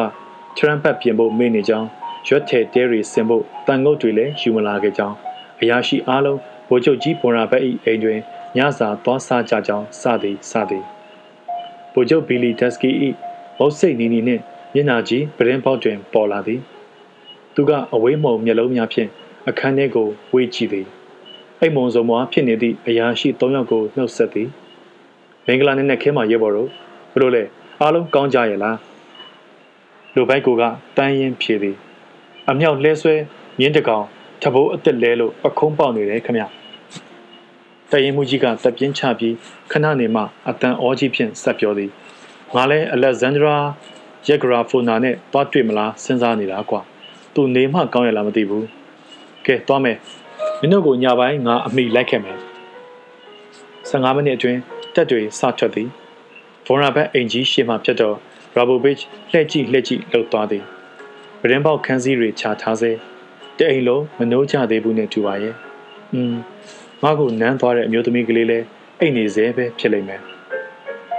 သူအိတ်နေပုံကိုစိတ်ထဲကညင်အောင်ကြည့်လိုက်သည်ပရင်ကျဲကြီးတွေနဲ့အိတ်ခမ်းမျိုးဖြစ်ရမယ် စိမ့်လဲလဲတစ်ကိုင်းတွေကအခန်းထဲကိုခိုးကြည့်နေကြလိမ့်မယ်ထင်ပါရဲ့အခန်းထဲမှာပေါ်ပလာနဲ့နှင်းစီနဲ့ခရမ်းပန်းနဲ့တွေတင်းပြန့်နေလိမ့်မယ်။ကရင်နဘေးကကလထိုင်မှာညကကျမ်းပြင်းနဲ့ပုတ်တိုက်တန်ကြားခဲ့တဲ့ဂါဝင်တင်ထားလိမ့်မယ်။အဲ့ရနဘေးစပွဲပေါ်မှာတော့နိုင်လှလှကလေးတစ်လုံးနဲ့ခြေညက်ဖက်နှက်တရံရှိလိမ့်မယ်။အားလုံးကိုကွက်ကွက်ကွင်းကွင်းပုံဖော်ကြည့်လို့ရသည်။သို့တော့အနန်းရှင်ကို တွေးမြင်ကြည့်သည့်အခါဗရားကိုဖမ်းရတယ်လို့ဖမ်းမမိနိုင်ဖြစ်နေ၏။ရွာပြင်ရောက်ပြီးခရီးအတန်ပေါက်သည့်အခါနောက်ကိုတမင်လည်းပြန်ကြည့်မိသည်ဆိုင်ကြီးနှင့်ဟိုမာဘက်မှဖျားရှိခိုးချောင်းကိုမြင်းနေရဆဲဖြစ်၏နနက်ခင်းနေကြီးတွင်မြစ်ပြင်နှင့်ပန်းချံသည်ကြီးကြီးလင်းလင်းတောက်ပလျက်ရှိသည်ကောင်းကင်တွင်တိမ်ကင်းစင်နေသဖြင့်မြင့်ရည်ပြင်းသည် ပြလက်ကြည်လင်နေလေသည်ဟိုနေရာတစ်ကွက်ဒီနေရာတစ်ကွက် ငွေရောင်လက်နေ၏မမေ့တဲ့နိုင်အောင်လှသည့်ရှုခင်းဖြစ်ပါ၏မီစတက်ကီရွာကလေးကိုရာဘိုဗစ်နောက်ဆုံးကြည့်လိုက်၏ရှင်ထဲတွင်ခြေကွဲဝမ်းနဲ့မဆုံးဖြစ်လာ၏အသေးနှလုံးကိုဒီရွာကလေးတွင်ထားရစ်ခဲ့ရသည့်အလားရင်းပေါ်မှထိုင်လိုက်ရင်းဝဲရာရှုခင်းတွေကိုငေးလိုက်လာသည်ဘာမျှစိတ်ဝင်စားစရာမရှိရင်းနေကြမြင်ကွင်းများဖြစ်၏ဂျုံကင်းထဲတွင်တောချီကန်းတွေ ဖုတ်ခုံဒီခုံနှင့်ရှစ်တက်တက်ကြည့်လိုက်လျင်ဖုန်တထောင်းထောင်းနှင့်လူတွေ၏နောက်စီတွေနောက်ပြန်ကြည့်လိုက်လျင် အလားတူဖုန်တထောင်းထောင်းနှင့်မျက်နှာများတအူးရှိတွင်ဓာလုတ်ကန်ရဲဘော်လေးယောက်တန်းစီချီတက်နေကြသည်သူတို့နောက်မှပင်ခေယာတက်သူတို့ကအတုပနိဗ္ဗာန်ရင်လိုနောက်လှည့်မကြည့်ရှေ့သို့အလောတကြီးချီတက်နေ၏ဘာဘူဘေ့ချ်ကတက်ခွဲငါးမှဖြစ်၍ ရှေ့ဆုံးအမြောက်နှင့်ချီတက်နေသူတွေကိုနောက်မှမြင်နေရ၏မြင်းတွေလူတွေအမြောက်တင်လှဲတွေမှာအေယာမမြေထားကျွဲကြီးနှင့်တူနေ၏ဒီလိုတက်ကြီးတစ်ခုရွှေ့ပြောင်းနေသည့်မြင်ကွင်းကိုအယက်သားတွေနားလည်နိုင်ကြမည်မထင်ဥပမာအမြောက်တက်လက်နားတွင်ဘာကြောင့်လူတွေအများကြီးလိုအပ်တာလဲဘာကြောင့်လှဲဆွဲမြင်းတွေအများကြီးလိုအပ်တာလဲအမြောက်ကိုချူချူဆန်းဆန်းကျိုးတွေဆိုင်းထားတာဟာဆွဲတဲ့အခါတိတ်ခတ်မှဆိုလိုလားဒါတွေအားလုံး လုံနေကြမြင်နေကြမို့ရာဘိုဘေ့ချ်အတွက်ဘာမျှစိတ်ဝင်စားစရာမလိုတော့ပြီးတော့ဘာကြောင့်လက်ရွေးစင်အရာခံပိုတယောက်ကတက်ဦးအရာရှိတယောက်ဤနဘေးမှာငင်းချင်းရှင်စီးရတဲ့အကြောင်းပြီးတော့ဘာဖြစ်လို့သူတို့ရှေ့ဆောင်မြင်းတယ်တော့အရာခံပိုခေါ်တွင်ကြောင်းသူသိပြေးသားဖြစ်၏ဒီအရာခံပိုဤနောက်တွင်မှပထမအသုတ်မြင်းတယ်တော်များကိုတွေ့ကြရသည် သူတို့နောက်မှမြင်းနှစ်ကောင်ကယထာဘော်တွင်စစ်တီတော်များလိုက်ပါကြရ၏ဘယ်ဘက်ကအတန်းကိုကကျိုးစုံမြင်းအုပ်စုဟုဘာကြောင့်ခေါ်တွင်ကြောင်းညာဘက်အတန်းကိုဘာကြောင့်အရန်အဖွဲဟုခေါ်ကြောင်းရာဇဝင်ကိုလည်းသူသိထားသည်အလွန်ပြင်းစရာကောင်းသည့်အကြောင်းအရာများဖြစ်သည်သူတို့နောက်မှအမြောက်လှဲဆွဲမြင်းတွေမြင်းကောင်ပေါ်တွင်ရုပ်ပြောင်နှင့်တူသည့်လူတစ်ယောက်စီးလာသည်သူ့နောက်ကျောင်းကိုကြည့်ပြီးသူ့ကိုယ်မှဖုံများမှာမနေ့ကဖုံများဖြစ်ကြောင်းသိသာနေ၏ ညာဘက်ခြေထောက်ကိုတစ်သားတစ်ချောင်းနှင့်ပူးချီထားသည်ဒါကိုတော့ရည်စရာဟုရာဘိုဘစ်မမြင်ဘာကြောင့်ဒီဒုက္ခတက်ထားသည်ကို သူသိနေ၍ဖြစ်၏မြင်းပေါ်မှာအမြောက်စစ်တီတော်အားလုံးဇက်တိုက်ထားသလိုကြာပုတ်တွေကိုဝှေ့ကရန်ကဟန်ရေးပြလျက်ရင်းတွေကိုအော်ဟစ်အားပေးရင်းအတော့နေနေကြသည်အမြောက်ကြီးတွေကိုကွက်ကြည့်လျင် အလွန်ရုပ်ဆိုးသည့်မြင်ကွင်းဖြစ်၏အမြောက်တင်ရှေ့လဲပေါ်တွင်ဂျုံအိတ်တွေကိုတာလပတ်နှင့်အုပ်ထားသည် အမြောက်တွေပေါ်တွင်တော့ရင်နွေးအိုတွေကြောပုတ်အိတ်တွေစစ်သားများ၏တောက်တူမယ်ရပစ္စည်းတွေတိုးလိုကျွဲလောင်းချိတ်ဆွဲထား၏အမြောက်ကြီးသည်ဒီလိုဆိုပြန်တော့ဘာမှအပြစ်မရှိသည့်တနာစရာတလောဝါတကောင်နှင့်တူနေ၏ဘာကြောင့်သူ့အနားတွင်လူတွေမြင်းတွေစုပြုံနေကြတာပါလဲသူ့နှစ်ဘေးမှတနက်ပြစ်တက်ဖွဲ့ဝင်6ယောက်ကခြိတက်လိုက်ပါရသည်လက်မောင်းတွေကိုဟန်နှင့်ပန်နှင့်မြောက်ခါမြောက်ခါသူတို့နောက်တွင်တက်ခွဲတွေတစ်ခွဲပြီးတစ်ခွဲ လူရန်ကြီးမှာသုံးဖာလုံးခန့်ရှည်လျား၍အေယာမယထာကြီးတစ်စင်းနှင့်တူနေခြင်းဖြစ်၏လဲရီဝန်တင်လားတွေကနောက်ဆုံးမှလိုက်ရသည်သူတို့အထဲတွင်မိကလည်းခြိတက်လိုက်ပါလာသည်မိကမှာနေရွက်ရှည်ရှည်နှင့်အလုံးသဘောကောင်းသောမြင်းတကောင်ဖြစ်၏သူကိုတက်မှုကတူရကီစစ်မြေပြင်တွင်ရလာခြင်းဖြစ်သည်ရာဘိုဘစ်သည်ရှေ့ပိုင်းရဲဘော်တွေနောက်ကျောကိုကြည့်လိုက်နောက်ပိုင်းမှရဲဘော်များ၏မျက်နှာကိုလှမ်းကြည့်လိုက်နှင့်လိုက်ပါလာသည် ရှင်ထဲတွင်ဘာခံစားမှုမျှမရှိရန်ခါတွင်မြင်းပေါ်မှထိုင်ရင်းအိတ်ငိုက်နေသေးသည်ခုတော့အိတ်ချင်ပြေသွားပြီးကြည်နူးစွန့်ပြန့်ပွဲရာအတွေးများခေါင်းထဲဝင်လာပြန်သည်မနက်ကခီးစထွက်တော့ခေါင်းထဲအတွေးတစ်ခုဝင်လာသည်ဒီအနမ်းဇလန်ကလေးသည် အပယိကစဉ်းစားရကြသည့်အဖြစ်စမ်းကလေးတစ်ခုအဖြစ်ပေါ့ပေါ့တန်တန်ထားလိုက်ဖို့ဖြစ်၏ခေါင်းထဲထည့်ထားလောက်အောင် ဆမြုံပြန်ရလောက်အောင်တံပိုးရှိသည့်ကိစ္စမဟုတ်သို့သောနေမြင့်လာတော့အတွေးတစ်မျိုးဝင်လာပြန်သည်နေ့လေအိမ်မက်အတွေးမျိုးဘောရာဘက်၏အိတ်ကန်းကြီးတဲ့ပြန်ရောက်သွားသည်ခရမ်းရောင်မဲကလေးနှင့်ဝစ်စုံနဲ့ဆင်မြန်းထားသည့်ရွှေရောင်စပင်များပိုင်ရှင်မင်းကလေးနှစ်ယောက်တို့ကိုပြန်မြင်လာသည်မျက်စိမှိတ်လိုက်တော့အာယုံတွင်ထင်ဟပ်လာသည်ကအခြားမင်းကလေးတယောက်သူတို့နှစ်ယောက်မဟုတ်ဘသူများပါလဲမျက်နှာကို ဝိုးတော်သာမြင်ရသည်တဲတဲကွဲကွဲမရှိသူကိုစိတ်ထဲကစကားပြောကြည့်သည်ဟုတ်တက်ကြည့်သည်သူ့ပခုံးပေါ်မိကြည့်သည်ပြီးတော့စစ်ပွဲတွေမျက်စိထဲမြင်လာသည်ခွဲခွာခဲ့ရသည်စစ်ထွက်ခဲ့ရသည်ဒီတစ်ခါအိမ်ပြန်ရောက်လျင်တော့မိမနှင့်အတူကလေးတွေနှင့်အတူညစာစားမည်မဆောက်သည့်အစင်းလန်းရောက်လျင်ခဏနာဟုအော်ဟစ်အမိန်ပေးသမျှထွက်လာသည် သူကိုယ်တိုင်လည်းအော်ဟစ်ရ၏ ထိုအခါနေ့လေအိမ်မက်မှနိုးလာပြီးလက်ရှိဘဝအခြေအနေကိုပြန်သတိရသည်ပိုင်စားမြေတွေကတမျောတခေါ်နှင့်ရာတော့အိမ်ကြီးတအိမ်ကိုဖြတ်တော့နှစ်ရှည်ခံပန်းပင်စီယိုတန်းတစ်ဖက်မှပန်းချံကိုမြင်ရသည်တစ်ဖြူပင်ပြိုတွေတန်းစီထားသည်ဖြောင်ဖြောင်တန်တန်လူသွားလမ်းကလေးပေါ်တွင်သဲဝါဝါတွေခင်းထားသည်သူ့အတွေ့သည်နေ့လေအိမ်မက်နှင့်ရောရှက်ခါလူးလွတ်လှုပ်ရှားလာပြန်သည်သဲဝါဝါလမ်းကလေးပေါ်တွင် ရှောက်သွားနေသောမိန်းကလေးတယောက်၏ခြေစုံကိုထိုအတွေ့ကပကြီးရေးချယ်ပေးလေသည်သူ့ကိုနမ်းသွားသည့်မိန်းကလေးပါလားမင်းညကသူ့ရုပ်ပုံကိုအမျိုးမျိုးမှန်းဆရှာဖွေကြည့်ခဲ့သည်မအောင်မြင်ခဲ့ခုမှမမျှော်လင့်ပဲသူ့ကိုဖမ်းဆုပ်နိုင်ခဲ့ခြင်းဖြစ်၏ဒီတစ်ခါထိုရုပ်သွင်းသည်လွင့်ပြေမသွားတော့ပေသူ့အာယုံတွင်ပြပြပြင်းပြင်းဆွဲထင်နေလေသည်မွန်တဲ့ချိန်ရောက်တော့နောက်မှအော်တန်ကြားလိုက်သည် တရိဘဲကြည့်ရင်းဖြူချီနှစ်ကောင်ကသည့်ယထာသည် သူ့ညာဘက်သို့ဘွားကနေရောက်လာသည်တရင်မှု၏ယထာဖြစ်သည်တရင်မှုကသစုံတရာအော်ဟစ်ချိန်မောင်းနေသည်သို့သောသူဘာတွေပြောနေမှန်းဘသူမှမသိရာဘိုဘစ်အပါဝင်အရာရှိတသက်တရင်မှု၏ယထာရှိရာသို့ချက်ချင်းစုပြီးသားဖြစ်သွား၏ဗိုလ်ချုပ်ကအော်မေးသည်နေရဲနေသည့်မျိုးလုံးတွေမိတ်ဖြက်မိတ်ဖြက်နဲ့ အချိန်နေဘလို့လဲဟဲ့ဖြားတဲ့နာတဲ့လူရှိသေးလားတရင်မှုဗိုလ်ချုပ်ကလူဖလန်ကလေးဖြစ်သည်တယောက်ချင်းအဖြူတွေကိုနားထောင်ရင်းနှကန်းကိုကိုက်လျက်စဉ်းစားဟန်ပြုသည်ပြီးတော့အရာရှိတယောက်ကိုလှမ်းပြောသည်မင်းရဲ့နံပါတ်3အမြောက်လှဲဆွဲမြင်းစီးတဲ့ကောင်ကသူ့ဒူးကာကိုဖြုတ်ပြီးအမြောက်မှာချိတ်ထားပါလားကွာမတုံးပဲအဲ့ဒီကောင်ကိုနာနာဆဲပေးလိုက်စမ်းရာဘိုဘစ်ကိုကြည့်ပြီးဆက်ပြောသည်မင်းရဲ့လှဲဆွဲကြိုးတွေကရှည်လွန်းတယ်ကွာ ဗိုလ်ချုပ်ကဒီလိုပြင်းစရာကောင်းသည့်ညွှန်ကြားချက်များပေးပြီးလိုဘိုက်ကိုဘက်ကိုလှည့်လိုက်၏ဟေးလိုဘိုက်ကိုဒီနေ့မြင့်တာမကောင်းပါလားကွာမဒန်လိုဘူးကိုပါကြောက်မဟုတ်လားဟေးရဲဘော်တို့ဒီကောင်မဒန်လိုဘူးကိုပါကိုကျွေးနေတယ်ကွာမဒန်လိုဘူးကိုပါမှာအရက်မြင့်မြင့်နဲ့အလုံးတောင့်သည့်အမျိုးသမီးဖြစ်သည်အသက်က40ကိုတော်တော်များများကျော်ပြီးဗိုလ်ချုပ်ကလုံကြီးပေါက်လှတွေကိုမျက်စိကြာတတ်သည်သူ့အရာရှိတွေကိုလည်းသူနှင့်အကြိုက်ချင်းတူလိမ့်မည်ထင်နေ၏သူ တို့အားလုံးကဗိုလ်ချုပ်ကိုတလေးတစားပြုံးပြကြသည်ဗိုလ်ချုပ်ကလည်းဟာတမြောက်စွာတယောစကားပြောလိုက်ရသည်ထင်ပြီးအားရပါရအော်ရည်နေသည်ပြီးမှအရာရှိများအားအလေးပြန်ပြုပြီးယထာသိန်းကြောကိုလှမ်းပုတ်ခါဆက်မောင်းခိုင်းသည်ဗိုလ်ချုပ်ယထာဆက်ပြေးသွားသည်ယထာနောက်တွင်တထောင်းထောင်းထကြံရစ်သွားသောဖုန်တွေကိုကြည့်ပြီးငေးကြည့်နေရင်ရာဘိုဘစ်စဉ်းစားသည်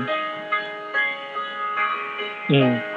ငါစိတ်ကူးရင်နေတာအားလုံးမဖြစ်နိုင်တာတွေကြီးပါလားငါဖြစ်နေတာကဘာမှထူးဆန်းတဲ့ကိစ္စမှမဟုတ်တာပဲငါအိမ်မက်မှတ်နေတာတွေ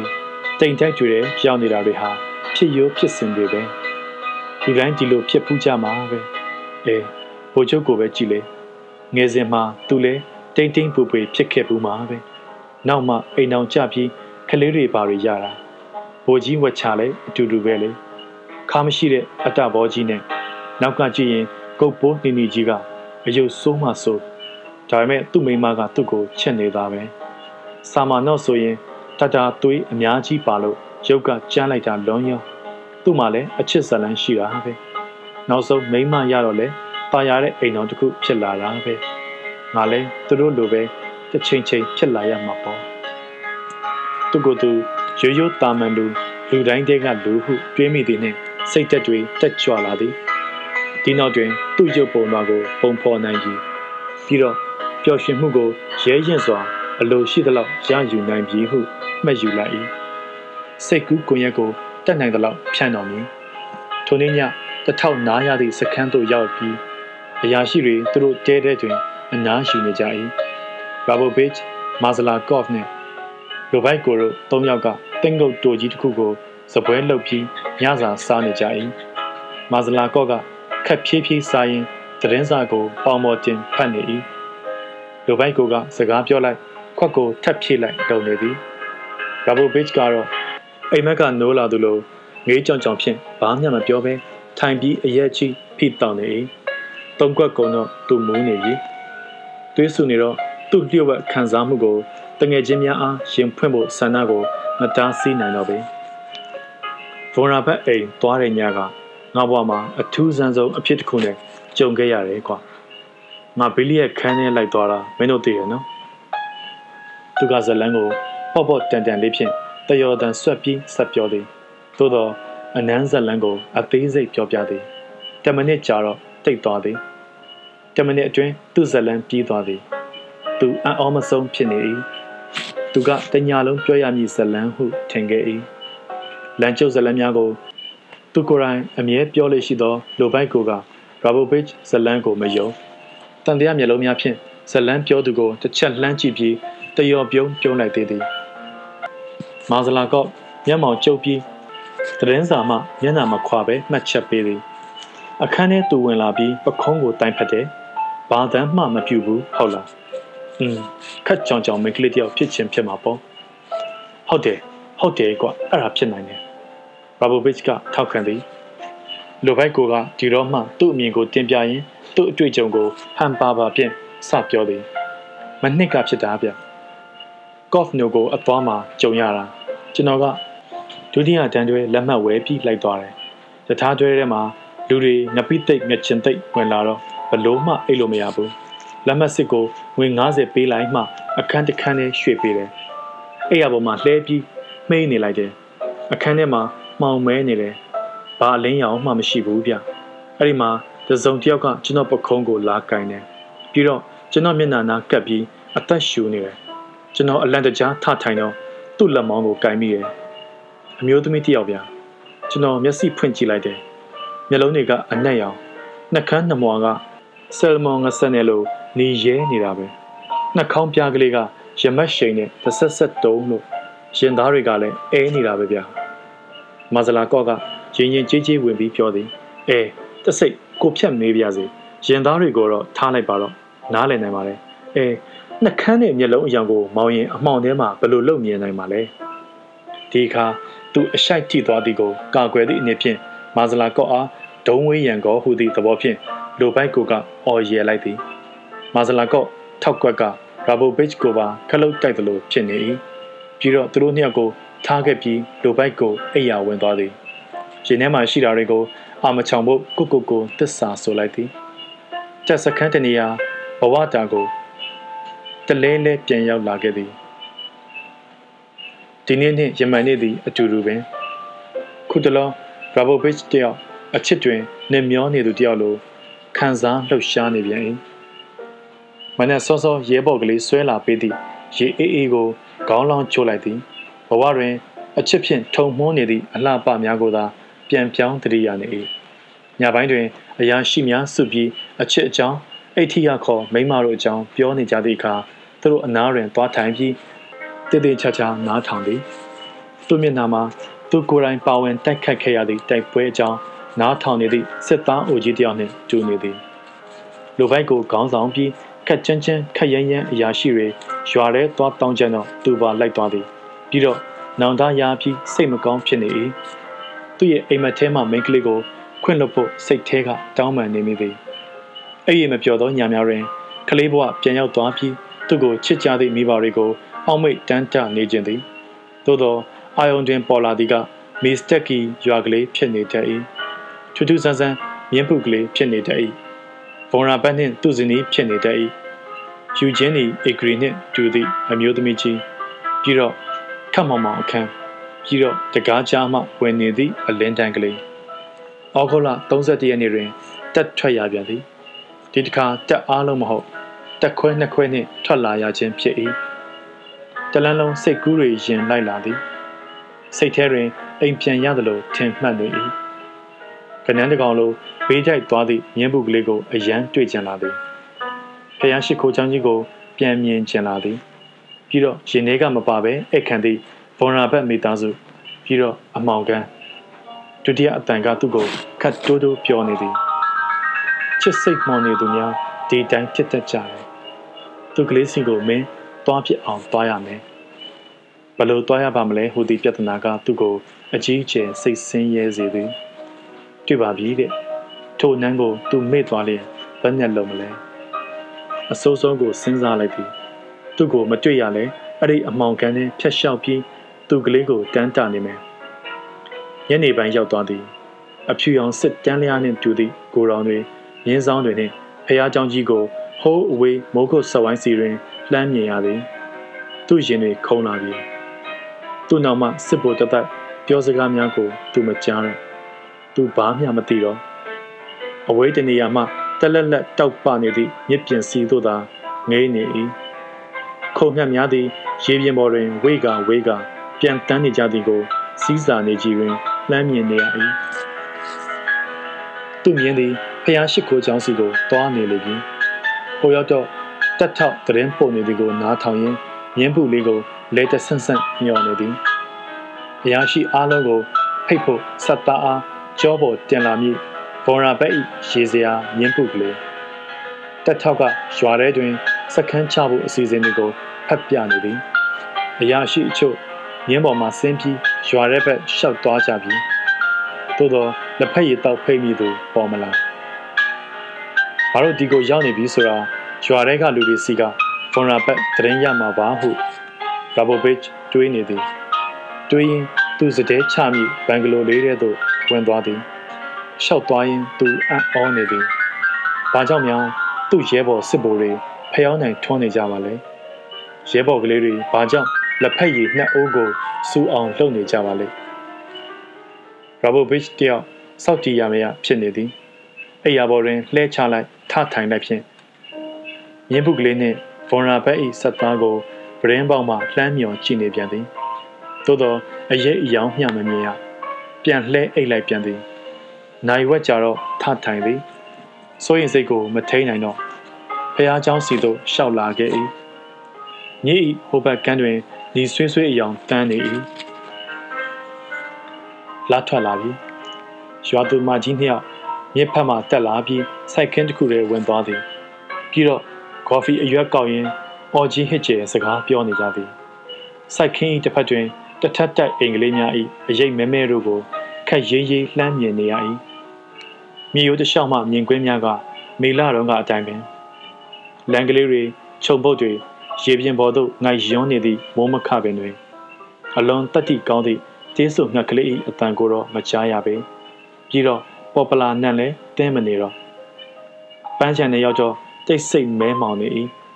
အနားမှာရှိသည့်တစ်ဖြူပင်များ၏အင်စီကိုသာမြင်ရ၏ပြီးတော့လူသွားလမ်းကလေး၏အစဤသည်တို့၏ဟိုမာဘတ်တွင်တော့ဗဂတိအမောင်တုအတန်ပလန်တို့ကို စ조사ပြီးနားထောင်ကြည့်သည်တစုံတရာကိုညင်ရနုံနုံအတန်တမျိုးမျိုးကြားရနုံနုံနှင့်နာယီဝက်ခန့်ကြားသွားသည်အကြောင်းမထူးသည်နှင့်လေးလံသောခြေလမ်းများဖြင့်ပြန်လှည့်လာခဲ့၏မျက်စိတ်ဘက်သို့ရှောက်လာခဲ့သည်မိသားစုရေချိုးစိတ်တွင်တဲကလေးတစ်လုံးတွေ့ရ၏တရားကလေးပေါ်တွင်အေယာမမျက်နှာတုပ်ပွားကြီးတွေလှမ်းထားသည်တရားပေါ်တက်ပြီးတမနစ်ခန့်တွေ့ကြည့်နေသည်ပြီးတော့ မျက်နှာတုပ်ပွားထူထူကြီးတစ်ထည်ကိုကင်ကြည့်လိုက်သည်ပြီးတော့မျက်ရည်ကိုငုတ်ကြည့်လိုက်ပြန်၏ရေလျင်သည် အရှိန်ပြင်းပြင်းစီးဆင်းနေ၏ရေချိုးစိတ်တရားကလေး၏တိုင်တွေကိုဖြက်စီးတော့ဝဲကြော့လေးတွေဖြစ်ကာမပီဝိုးတော်အတန်တွေထွက်လာသည်လာဝန်းနေနေသည်မြစ်တစ်ဖက်ရေပြင်တွင်ထင်ဟပ်စပြု၍ရေပြင်မှဓာတ်ရိပ်ပေါ်တွင်လှိုင်းကလေးတွေဖွေးကာဖွေးကာဖြတ်ပြေးနေသည် ဖိုးလာမင်း၏ပုံရိပ်ကိုရေလှိုင်းကလေးတွေကမလိုတမာတစားစီဖြစ်အောင်ဖြတ်စည်းနေသည့်အလားတော်တော်မိုက်ရိုင်းကြတာပဲတော်တော်ကိုမိုက်ရိုင်းကြပါကလားတရိပ်ရိပ်စီးသွင်းနေသည့်ရေပြင်ကိုရက်ကြည့်ပြီးရာဘိုဘစ်တွေးနေခြင်းဖြစ်၏ခုတော့သူအားလုံးကိုလက်လျှော့လိုက်ပြီးစောက်တီရမြဖြစ်ခဲ့ရသည့်ထိုအနမ်းညအကြောင်းကို၎င်းမရင်မရမျှော်လင့်ချက်များကို၎င်းယခုတော့ကြီးကြီးလင်းလင်းမြင်လာပြီ ဗော်နာဘက်စီမှဆက်သားရောက်မလာသည်ကိုလည်းအံ့ဩစရာမထင်တော့သူကိုမှားယွင်းစွာနမ်းသွားလေသူအမျိုးသမီးအားဘယ်တော့မှမတွေ့နိုင်တော့သည့်အဖြစ်ကိုလည်းစမ်းသည်မထင်တော့ရင်းနှင့်ဆန့်ကျင်စွာ သူ့ကိုပြန်လည်၍တွေ့ဆုံမှ အဖြစ်ဆန်းဟုဆိုရတော့မည်ဒီရေတွေဘယ်ကိုစီးသွားနေတာပါလဲဘာအတွက်စီးဆင်းနေတာပါလဲစီးဆင်းနေပုံကတော့မေလာတုံးကအတိုင်းပင် မေလာတုံးကစီးဆင်းသွားသည့်ရေများသည်မြစ်ကြီးတဲ့သို့ဝင်သွားပြီးထုံမတဆင့်ပင်လယ်ထဲသို့ဆက်လက်စီးဆင်းသွားခြင်းဖြစ်၏ပင်လယ်ရေတို့သည်အခိုးငွေ့ဖြစ်ကာမိုးရွာချပြန်၏ဒါဆိုလျှင်ယခုသူ့ရှေ့မှရေတွေကဒီကစီးဆင်းသွားသည့်ရေတွေပဲလားခုဒီရေတွေဘယ်ကိုစီးဆင်းနေတာလဲဘာအတွက်စီးဆင်းနေတာလဲလောကကြီးရောဘဝတစ်ခုလုံးမှာရှုပ်ထွေးလုံးပါကလား ငါကိုတယောလှောင်ပြောင်နေတာများလားရေပြင်မှမျက်နှာလွှဲပြီးကောင်းကင်ကိုမော့ကြည့်လိုက်သည်ကံကြမ္မာကသူ့ကိုမတော်တဆထိကဘာရှိကဘာလှုပ်ခဲ့ခြင်းဖြစ်ကြောင်းခုတော့ရာဘိုဗစ်သဘောပေါက်ခဲ့လေပြီ။သစိမ်းမိမတယောက်ကိုသူ့ရောက်မဲ့လို့ဖန်ဆင်းပြီးသူ့ကိုနှောက်လိုက်ခြင်းတွင်ဒီတနေ့လုံးမက်ခဲ့သည့်ຫນွေလဲအိမ်မက်များအကြောင်းစဉ်းစားမိသည့်အခါဘဝသည်ရိုးပြက်လေတော့လို့၆တွေ့လာကြောင်းတွေ့ရ၏ ပြီးတော့အယောင်စင်းကင်းမဲ့လှသည်စိတ်ပြက်ရင်းငွေပွဲကောင်းလာသည်ယာယီစခန်းကိုပြန်ရောက်တော့အရာရှိတွေတရားမှမရှိကြသူ့ရဲဘော်ကလေးကပြန်ပြောသည်ဘုချုပ်ကြီးဘွန်ထရက်ကင်းဆိုလားအဲ့ဒီအိမ်ကားတဲ့ရင်းစည်းဆက်သားတယောက်ရောက်လာတယ်ဘုကြီးလာဖိတ်တာတဲ့အားလုံးအဲ့ဒီကိုတွားကြတယ်ခင်ဗျရုတ်တရက်ရာဘိုဘစ်ပျော်သွားသည်သို့တော့ဒီပျော်ရွှင်မှုကိုချက်ချင်းမောင်းထုတ်ပြလိုက်၏ အိယာပေါ်လှဲချလိုက်သည်ကံကြမ္မာကိုချိန်ဆလိုက်၏ဖော်နာဘက်အိမ်သို့လိုက်မသွားဖို့ဆုံးဖြတ်လိုက်သည်ထရရှားစာရေးဆရာကြီးအန်တန်ချက်ကော့ရဲ့တကစ်ဆိုတဲ့ဝတ္ထုကိုဆရာတင်မောင်မြင့်ကထိုနန်းဆိုပြီးတော့ဘာသာပြန်ပေးထားတာပါအားလုံးကျေးဇူးတင်ပါတယ်ပြီးပါပြီဗျ